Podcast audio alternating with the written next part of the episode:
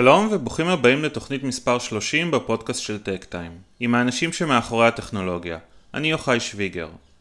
האורח שלי בתוכנית היום הוא אילן טבת, סמנכ"ל השיווק והמוצר של חברת רד תקשורת, שמפתחת פתרונות חומרה ותוכנה לרשתות תקשורת. עולם הטלקום חווה בשנים האחרונות טרנספורמציה מואצת, הן ברמה הטכנולוגית והן ברמה העסקית. השינויים הללו באים לידי ביטוי בעיקר במעבר לרשתות תקשורת שמנוהלות בצורה וירטואלית יותר ובאמצעות יישומים מבוססי תוכנה, מה שקרוי בהגה המקצועית וירטואליזציה ו-NFV.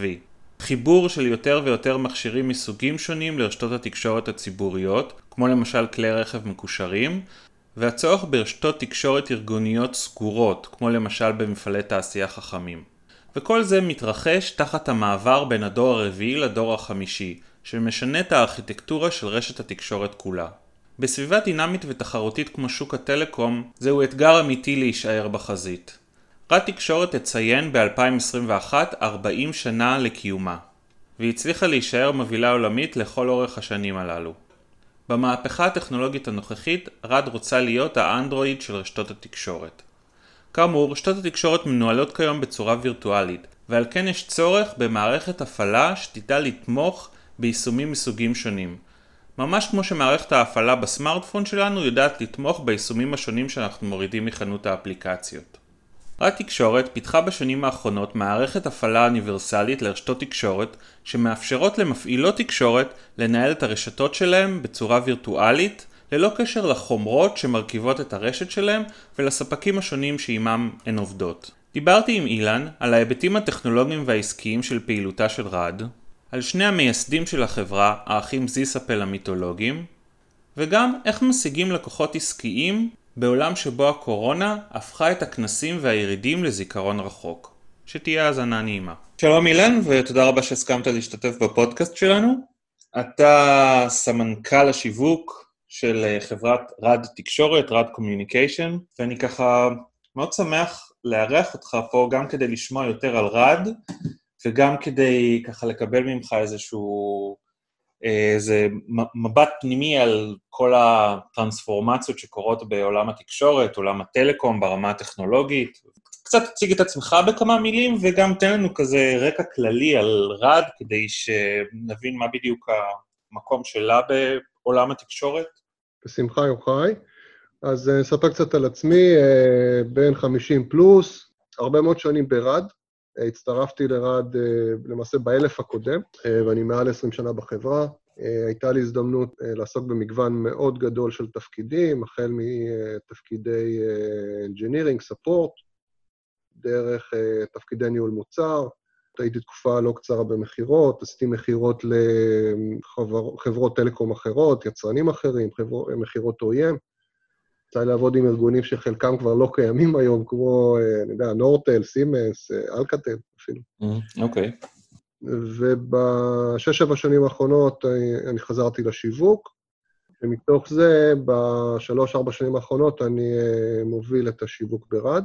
שיווק ברד מאוד מגוון, הוא כולל גם את הצד של ה product, product manager, solution manager, שמאפיינים את ה roadmap שלנו, מאפיינים את הצרכים של לקוחות, כדי לוודא שאנחנו נפתח עבורם את המוצרים הבאים שהם יצטרכו, כולל גם פיתוח עסקי, שבעצם עוזר להביא את המוצרים האלה לשוק ברגע שהם זמינים, כולל את הצד של ה product marketing וה marketing הקלאסי, events, בטח גם ניגע בזה, מה קרה לעולם ה events בשנה האחרונה, טרנספורמציה מטורפת ש- שכולנו עברנו. לכיוון הדיגיטל וה, והאונליין, וגם training נמצא תחת uh, המטריה שלי. רד uh, uh, מוכרת uh, גם ישירות, אבל גם דרך פרטנרים. זה שאתה עובד ברד כבר, נקרא לזה עשרות שנים, אז זה דווקא, זה, זה מספק לנו פרספקטיבה על איך, איך חברה מתמודדת עם שוק שהוא כל הזמן משתנה ברמה הטכנולוגית ו, ו, ועוד, וברמה העסקית. וגם אולי, אולי גם נדבר על מה זה בעצם להיות מנהל שיווק בחברה שהיא B2B ולא חברה שבוחרת ישירות לצרכן, כלומר, איך, איך בדיוק בונים את רשת הלקוחות. אבל בוא, בוא תן לנו קצת איזושהי סקירה על הפורטפוליו מוצרים של רד, מה, מה היא בדיוק עושה בתחום בשוק התקשורת. יש לנו שני קווי עסקים בחברה line of business.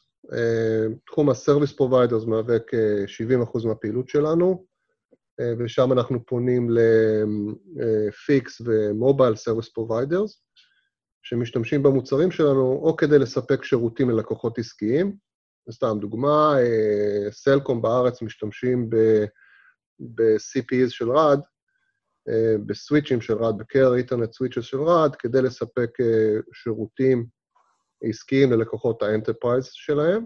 ו- ומצד שני, סלקום uh, ומפעילים סלולריים אחרים משתמשים uh, בסוויצ'ים של RAD כחלק מרשתות ה- Backhaul שלהם. Mm-hmm. זאת אומרת, כחלק מהתשתית הסלולרית שלהם uh, ממש. אוקיי. Okay. אז זה תחום uh, פעילות אחד.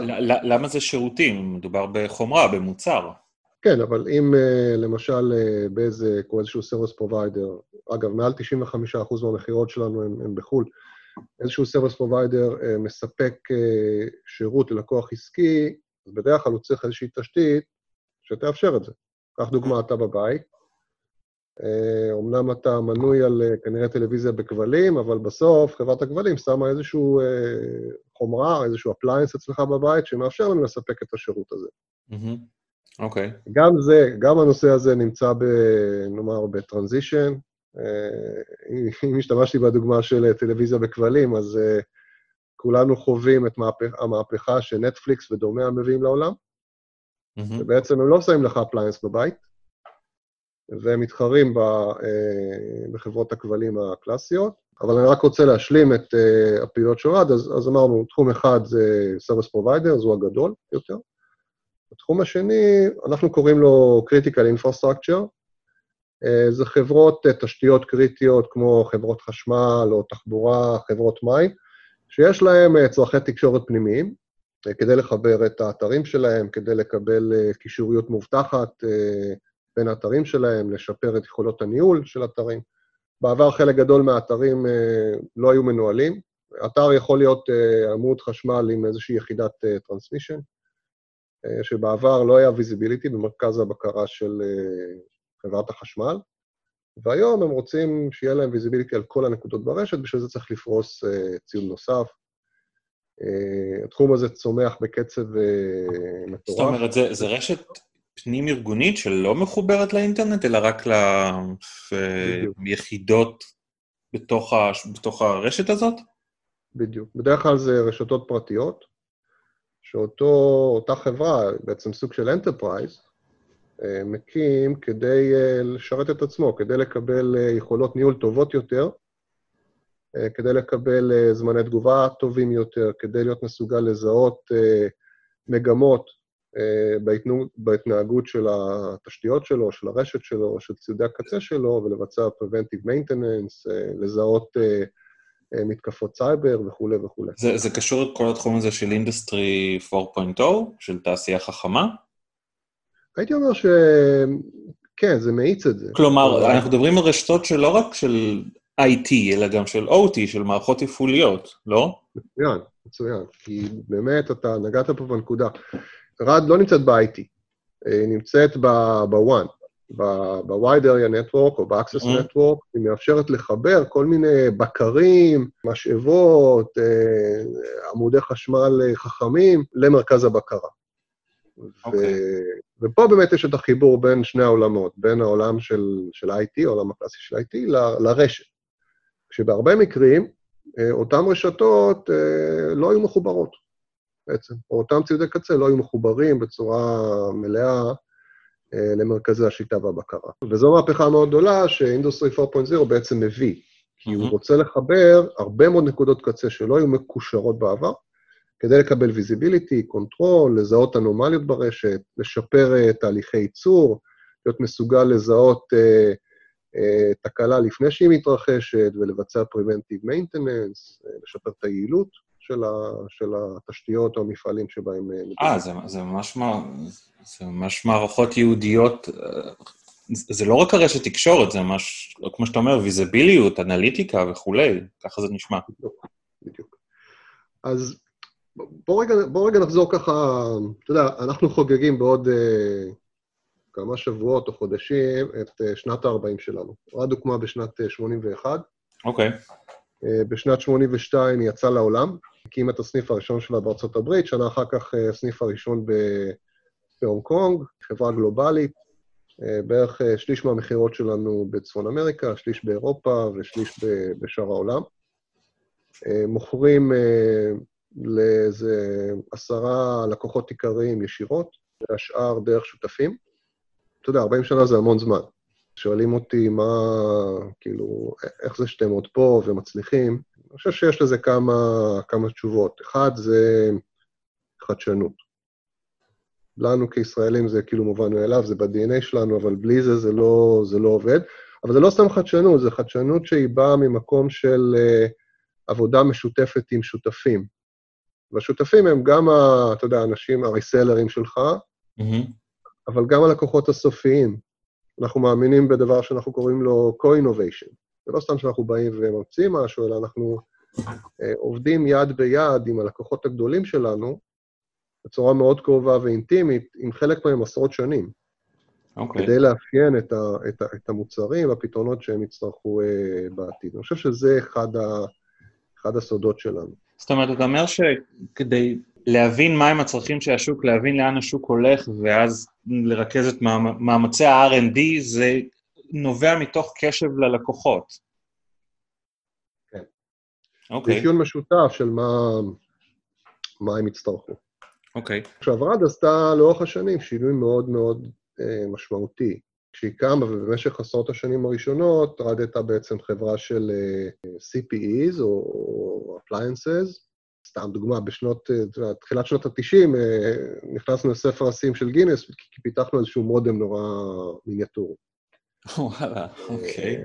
אז זו דוגמה, ובשבע, עשר שנים האחרונות עשינו תהליך הדרגתי של מעבר מחומרה לתוכנה.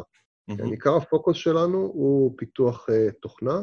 בעצם רד הייתה, הזכרת NFV, אז רד הייתה החברה בעצם הראשונה שהיא דיברה להביא NFV אה, או vCPE ל-edge של הרשת. כולם דיברו על זה בהקשר של data centers, ושזה הגיוני וברור, מובן מאליו, אבל כשאנחנו באנו עם הרעיון הזה ב-2014, 2013, אנשים אמרו, לא, זה, זה לא עושה שכל. והיום כולנו משתמשים בעצם הטלפון הסלולרי, הסמארטפון הזה, שאנחנו קוראים לו טלפון, אבל הוא עושה כל כך הרבה דברים חוץ מטלפון. תחשוב על זה, זה Universal CPE, זה פלטפורמה שהיא אה, חומרה גנרית, הלב שלה הוא בעצם מערכת הפעלה, אנדרואיד בדרך כלל, או iOS, ועיקר ה-value שהמשתמש מקבל זה מאפליקציות שרצות עליה. כן. Uh, אותו דבר קורה בנטוורקינג, עוד הייתה הראשונה שזיהתה את זה, והחברה הראשונה שבאה עם פתרון uh, מסחרי, שהוא disaggregated. בוא, בוא ש... קצת נתעכב, uh, קצת נבער את, ה, את המגמה הזאת של... אתה מכוון למעבר לווירטואליזציה, לרשתות שהן מבוססות תוכנה וכולי. בדיוק. יכול להסביר לנו קצת את המעבר הזה? כן, תראה, שוב, הדוגמה הכי יפה שאפשר לקחת זה מה שקרה לנו כיוזרים אמ, בעולם הזה, שהיום הטלפון החכם נותן לו מענה. לפני שבע, עשר שנים, כל אחד מאיתנו הסתובב עם טלפון, הוא גם ידע לחייג ולעשות שיחות, וידע לעשות אס.אם.אס. היה שם איזה משחק כזה קטן, קראו לו סנייק, אתה זוכר את זה? נכון, בוודאי. וחוץ מזה, בכיס השני היה לנו מצלמה, כי המצלמה בטלפון לא הייתה כל כך טובה, ובכיס השלישי היה לנו איזשהו מכשיר ניווט, ולך תדע מה עוד. אוקיי. אוקיי. היום, בעצם על פלטפורמת חומרה אחת אתה יכול אה, לשלב הרבה מאוד אה, שימושים, אה, וגם יש לך את הגמישות, אתה יכול להוסיף אה, איזושהי פונקציה, אתה רוצה איזשהו משחק או scanner או משהו, אתה פשוט מוריד אותו, מנסה, אם זה טוב, משאיר, אם לא מוריד. Mm-hmm. פעם כל הדברים האלה לא היו אפשריים. מהזווית של ה service provider, היה לו, הוא הציע ללקוחות העסקיים שלו שירות שהוא בעיקר, אה, נאמר, קישוריות. הוא היה שם איזשהו access device בבית הלקוח העסקי. Mm-hmm. ואם הוא רצה לשים גם firewall, אז הוא היה צריך לשלוח טכנאי שיתקין עוד appliance. או appliance הכוונה היא עוד, עוד קופסה. עוד קופסה, עוד קופסה. תחשוב, היה, היה לו access device, נגיד מודם וראוטר לידו, ו-firewall, כל אחד מהם היו קופסאות שונות, ועכשיו אם הוא רצה נגיד להוסיף uh, עוד פונקציה, כמו למשל one optimization, אז הוא צריך להביא עוד קופסה, וכולי וכולי.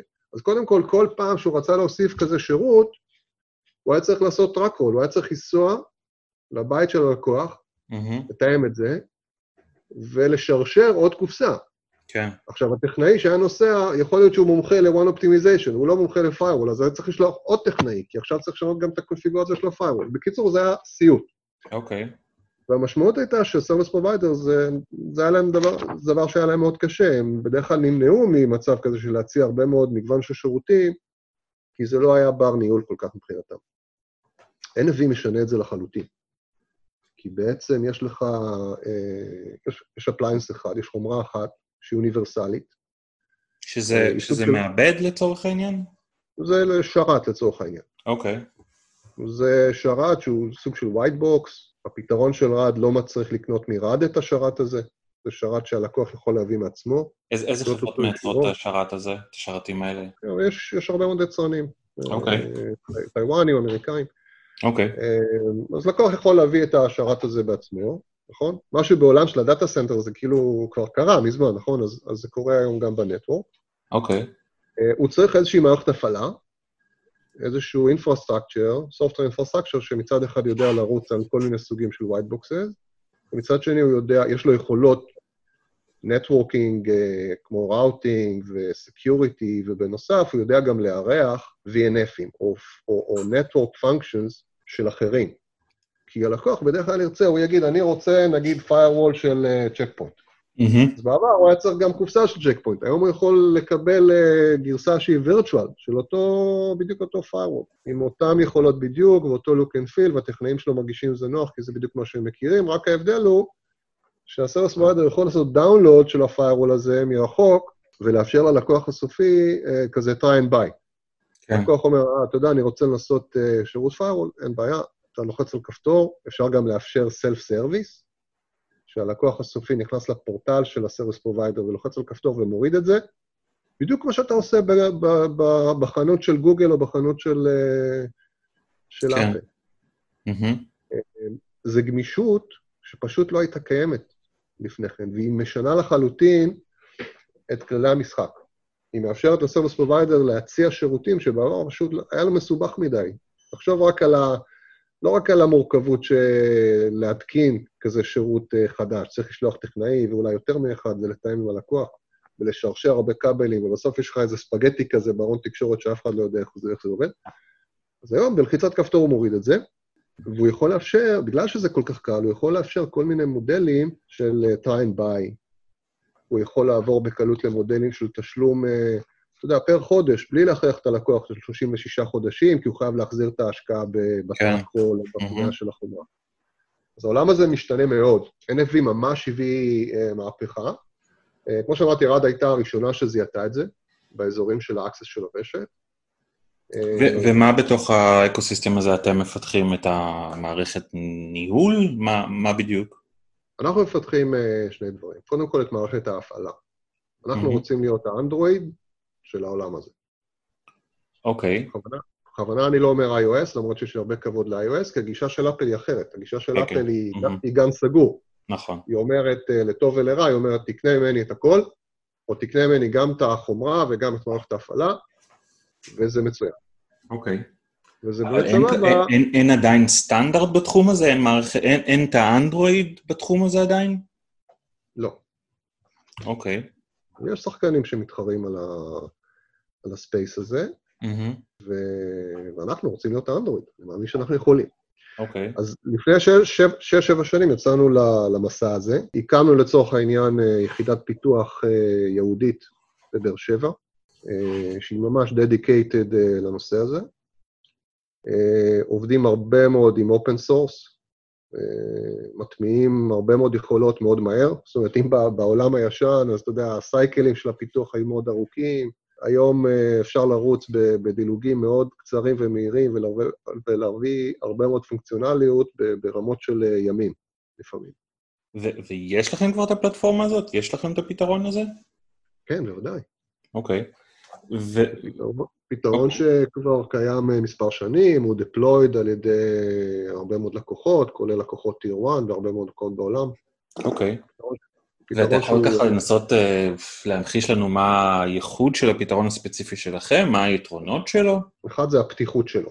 פתיחות במובן של, אה, אה, של דיסאגרגיישן, במובן הזה שאנחנו יודעים לרוץ על סוגים שונים של חומרות, אנחנו יודעים לרוץ גם בסביבות של אינטל, x86, כן. וגם בסביבות של ARM, מהמם.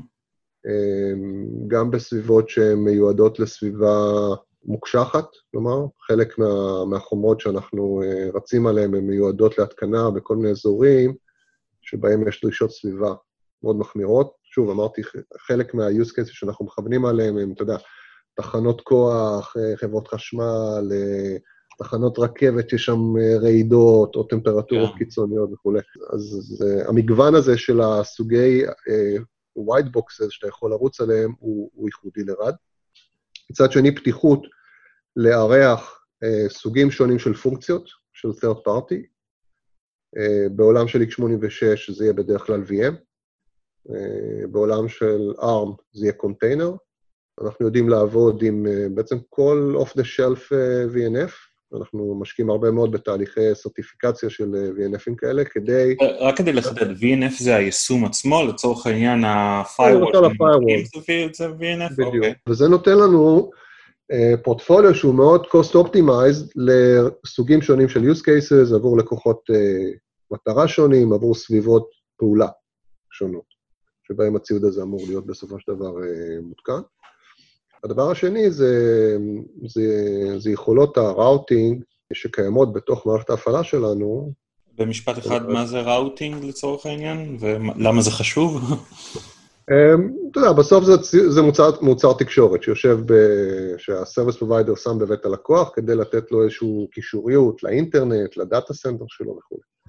אז אה, ראוטר זה חלק מהפונקציונות הבסיסית שבדרך כלל מוצר כזה צריך אה, שיהיה בו. הראוטר שלנו הוא מאוד קל במשאבים שהוא דורש, ומצד שני הביצועים שלו הם מאוד גבוהים. אוקיי. אני אומר את זה בהשוואה לשניים, שלושה מהמתחרים המובילים שלנו.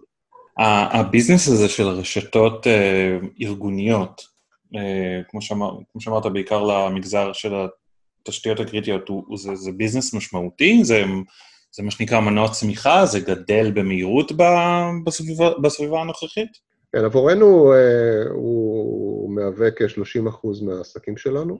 אוקיי. הוא גדל אה, מאוד מהר. אה, הזכרת Industry 4.0, זה אחד המנועים שמניעים את המהלך הזה, IoT, Industrial IoT, זה דברים שקורים בגדול. אתה יודע, ערים חכמות, הצורך לחבר ערים בטוחות, הצורך לחבר כמות מאוד גדולה של סנסורים, ולשדר תעבורה ולאבטח את, את, את הטראפיק הזה. אוקיי. אה, ולשדר אותו הרבה פעמים מעל האוויר, כלומר מעל LTE או מעל אה, 5G בעתיד. הדברים האלה הם, הם טרנדים מאוד חזקים. אה, מחקרי שוק מראים שהם גדלים בקצב של עשרות אחוזים לשנה, ואני מאמין שזה רק יגבר בשנים הקרובות. למעשה 5G, אם תחשוב על זה, אחת הסיבות שהוא קיים, זה לא כדי שלי ולך יהיה, לא נכון. יודע, דאטה יותר, כן, כי זה יש מספיק נכון. טוב כבר היום. נכון. אלא זה כדי לתת uh, שירות לכל מיני machine to machine. אז בואו בוא קצת אה, כבר, אה, מה שנקרא, חטפת לי את השאלה הבאה. אה, בסופו של דבר, כל זה כבר, אתה יודע, מילים נרדפות באותו עולם מושגים, אבל אנחנו מדברים על המעבר ל-5G, והקורונה, איכשהו האיצה את זה, אני זוכר לפני זה היו כל מיני 5G ספקט- אה, סקפטים שהטילו ספק במודל העסקי וב... לא יודע, התכנות הטכנולוגית וכולי, אבל עכשיו כבר כולם מדברים על זה. אה, אז אם אתה יכול ככה, ככה מהמבט שלך מהתעשייה, איפה אנחנו נמצאים בטרנספורמציה הזאת, אולי קצת על ישראל, וגם, שוב, אתם כחברה שפועלת ב- בעולם שמשתנה כל הזמן טכנולוגית, מה, מה זה אומר לגביכם? אני לא יודע אם הקורונה באמת האיצה את ה-5G. למעשה בחודשים הראשונים, בשני הרבעונים הראשונים, מה שראינו זה דווקא מפעילים שמסיטים את תשומת הלב שלהם מטריילים ראשונים של 5G להרחבת הפריסה של ה-4G, כי אתה יודע, בסוף אה, ליוזרים אין עדיין טלפונים של 5G. נכון, כן. מה שיש להם זה ציודי קצה שהם 4G, והם צריכים עכשיו על הציודי קצה הקיימים לתת שירות יותר טוב, או, או לתת שירות מספיק טוב, כשפתאום כל היוזרים עברו לעבוד מהבית. אז הרבה מאוד מפעילים דווקא הרחיבו את התשתיות שלהם, תשתיות ה-4G, והאטו אפילו, או דחו קצת, את הפריסות הראשונות של 5G. אני חושב אבל שבראייה קצת יותר רחבה, מה, ש, מה שהקורונה יצרה, היא, היא הביאה לכולנו את התובנה שבעצם הסניף הוא, הסניף במובן של לקוח עסקי, הופך להיות המקום שממנו אתה עובד. והמקום שממנו אתה עובד יכול להיות כל מיני דברים, כולל הבית שלך. וכשאתה נמצא, כשאתה יושב בתוך המשרד, אז המשרד כבר מחובר בתשתיות טובות, כי זה דבר שטופל, ויש איזשהו VPN שמחבר את המשרד הזה לאינטרנט או להדקוטר של אותו, אותה חברה. עכשיו, כשאתה בתור עובד עובר לעבוד מפיזית במשרד הזה, אתה עובר לבית, אז בעצם, מה יש לך בבית? יש לך שירות שהוא ברודבנט אה, שמיועד ל-residential user.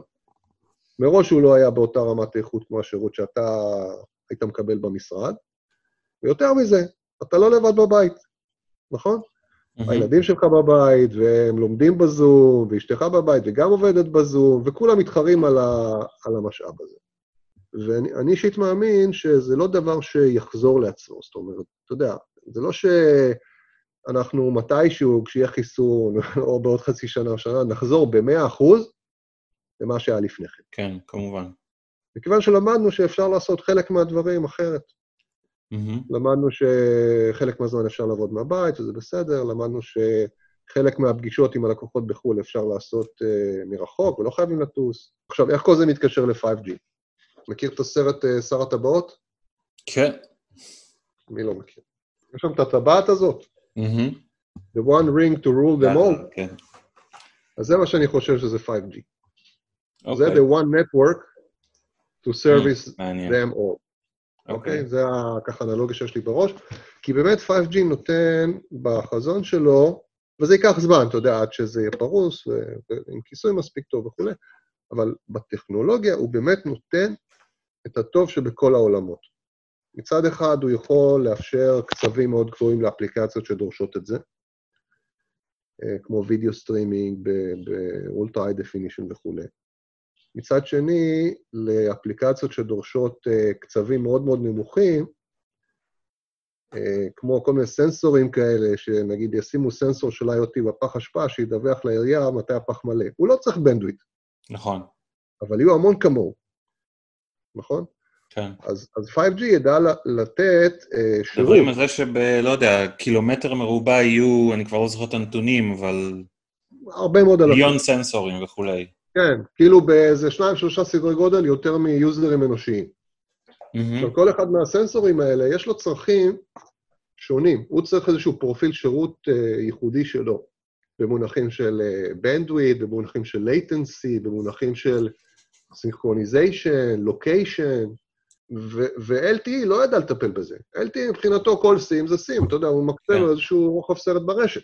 אז 5G כן יודע לעשות את זה, הוא יודע גם להקצות uh, פרופיל שירות, או slice, בשפה של 5G, שהוא רלוונטי לפי ה-use case או הסוג של ה... במירכאות ה-end user הזה, שבדרך כלל הוא יהיה לא אנושי, end user.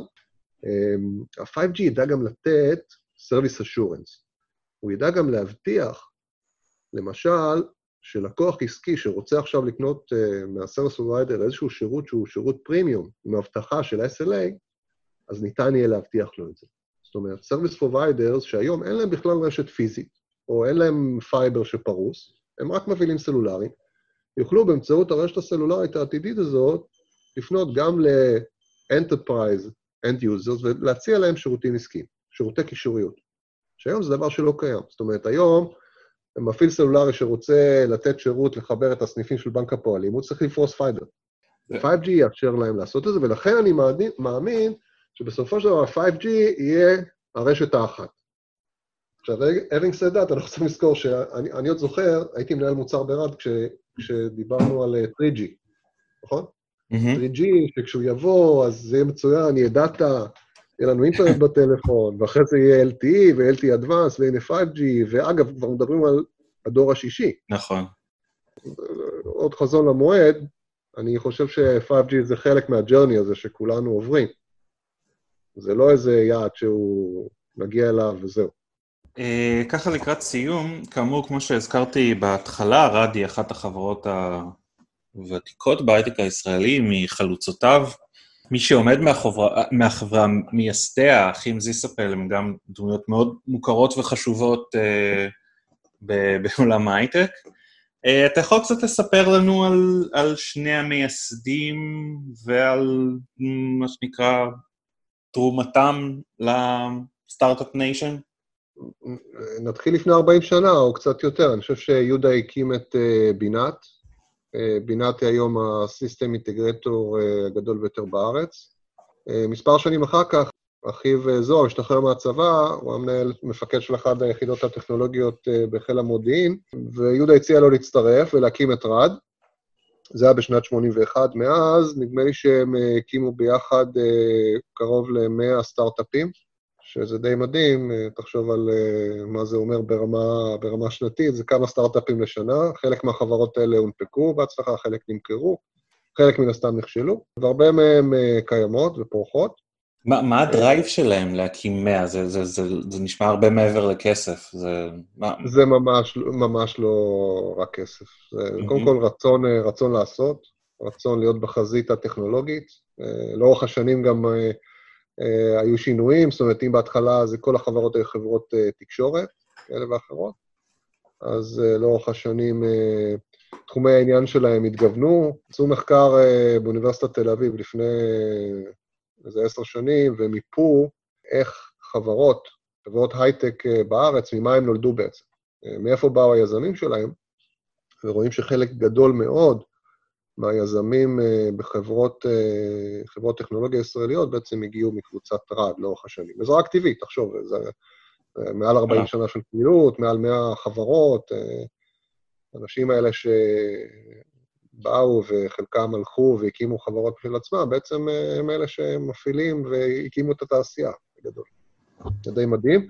ועם זאת, ברמה האישית אני יכול להגיד שמדובר באנשים באמת הכי down to earth, הכי נחמדים, הכי כיפים, לפגוש אותם פה בקפיטריה, בשנה האחרונה פחות, כי באים פחות כן. למשרד, אנחנו, באופן טבעי, והרבה מהפגישות הן uh, בזום. פשוט uh, שני אנשים שאני אישית מעריץ. משואה הם כבר הדליקו? זה רעיון. אולי זה קצת כמה מילים על מה זה להיות מנהל שיווק, אה, איך, איך, איך משווקים משהו בכל העולם הזה של B2B? נגיד סתם, אם לעשות אנלוגיה פשטנית, אז לשווק לצרכן זה מאוד פשוט, אפיקי הפרסום הם, אתה יודע, אנחנו מפרסמים דרך גוגל, ומפרסמים בטלוויזיה, ונכנסים לתוכנית בוקר וכולי. איך, איך עושים את זה, איך עושים את זה ב, ב, בעולם של עסקים לעסקים?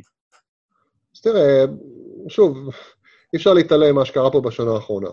אה, אם בעבר אה, הדרך העיקרית להגיע ללקוחות חדשים הייתה דרך כנסים ותערוכות, אז הדבר הזה בשנה האחרונה כמעט לא קרה. בשלושה רבעונים האחרונים הוא לא קרה, והוא גם כנראה לא יקרה בשני הרבעונים הבאים. בחוויה שלנו, של רד, זה אילץ אותנו להפנות את מאמצי השיווק שלנו הרבה יותר לעולם הדיגיטל. אז אנחנו לא מפרסמים בטלוויזיה, אה, אבל אנחנו כן מפרסמים הרבה מאוד בלינקדאין ובגוגל, ואפילו בפייסבוק. אה, בכלל, אתה יודע, יש עירוב של הרשתות. אם פעם הייתה הבחנה מאוד ברורה של לינקדאין היא רשת עסקית ופייסבוק פחות, אז היום אה, ההבחנה הזאת היא פחות ברורה. בסוף, בסופו של דבר זה אנשים. Mm-hmm. גם ה-CTO של טלפוניקה, כנראה שיש לו חשבון פייסבוק, ואם אני פוגש אותו שם, אם המסרים שלי פוגשים אותו שם, אז יש לי דרך להשפיע עליו, to reach out to him, ועושים את זה הרבה.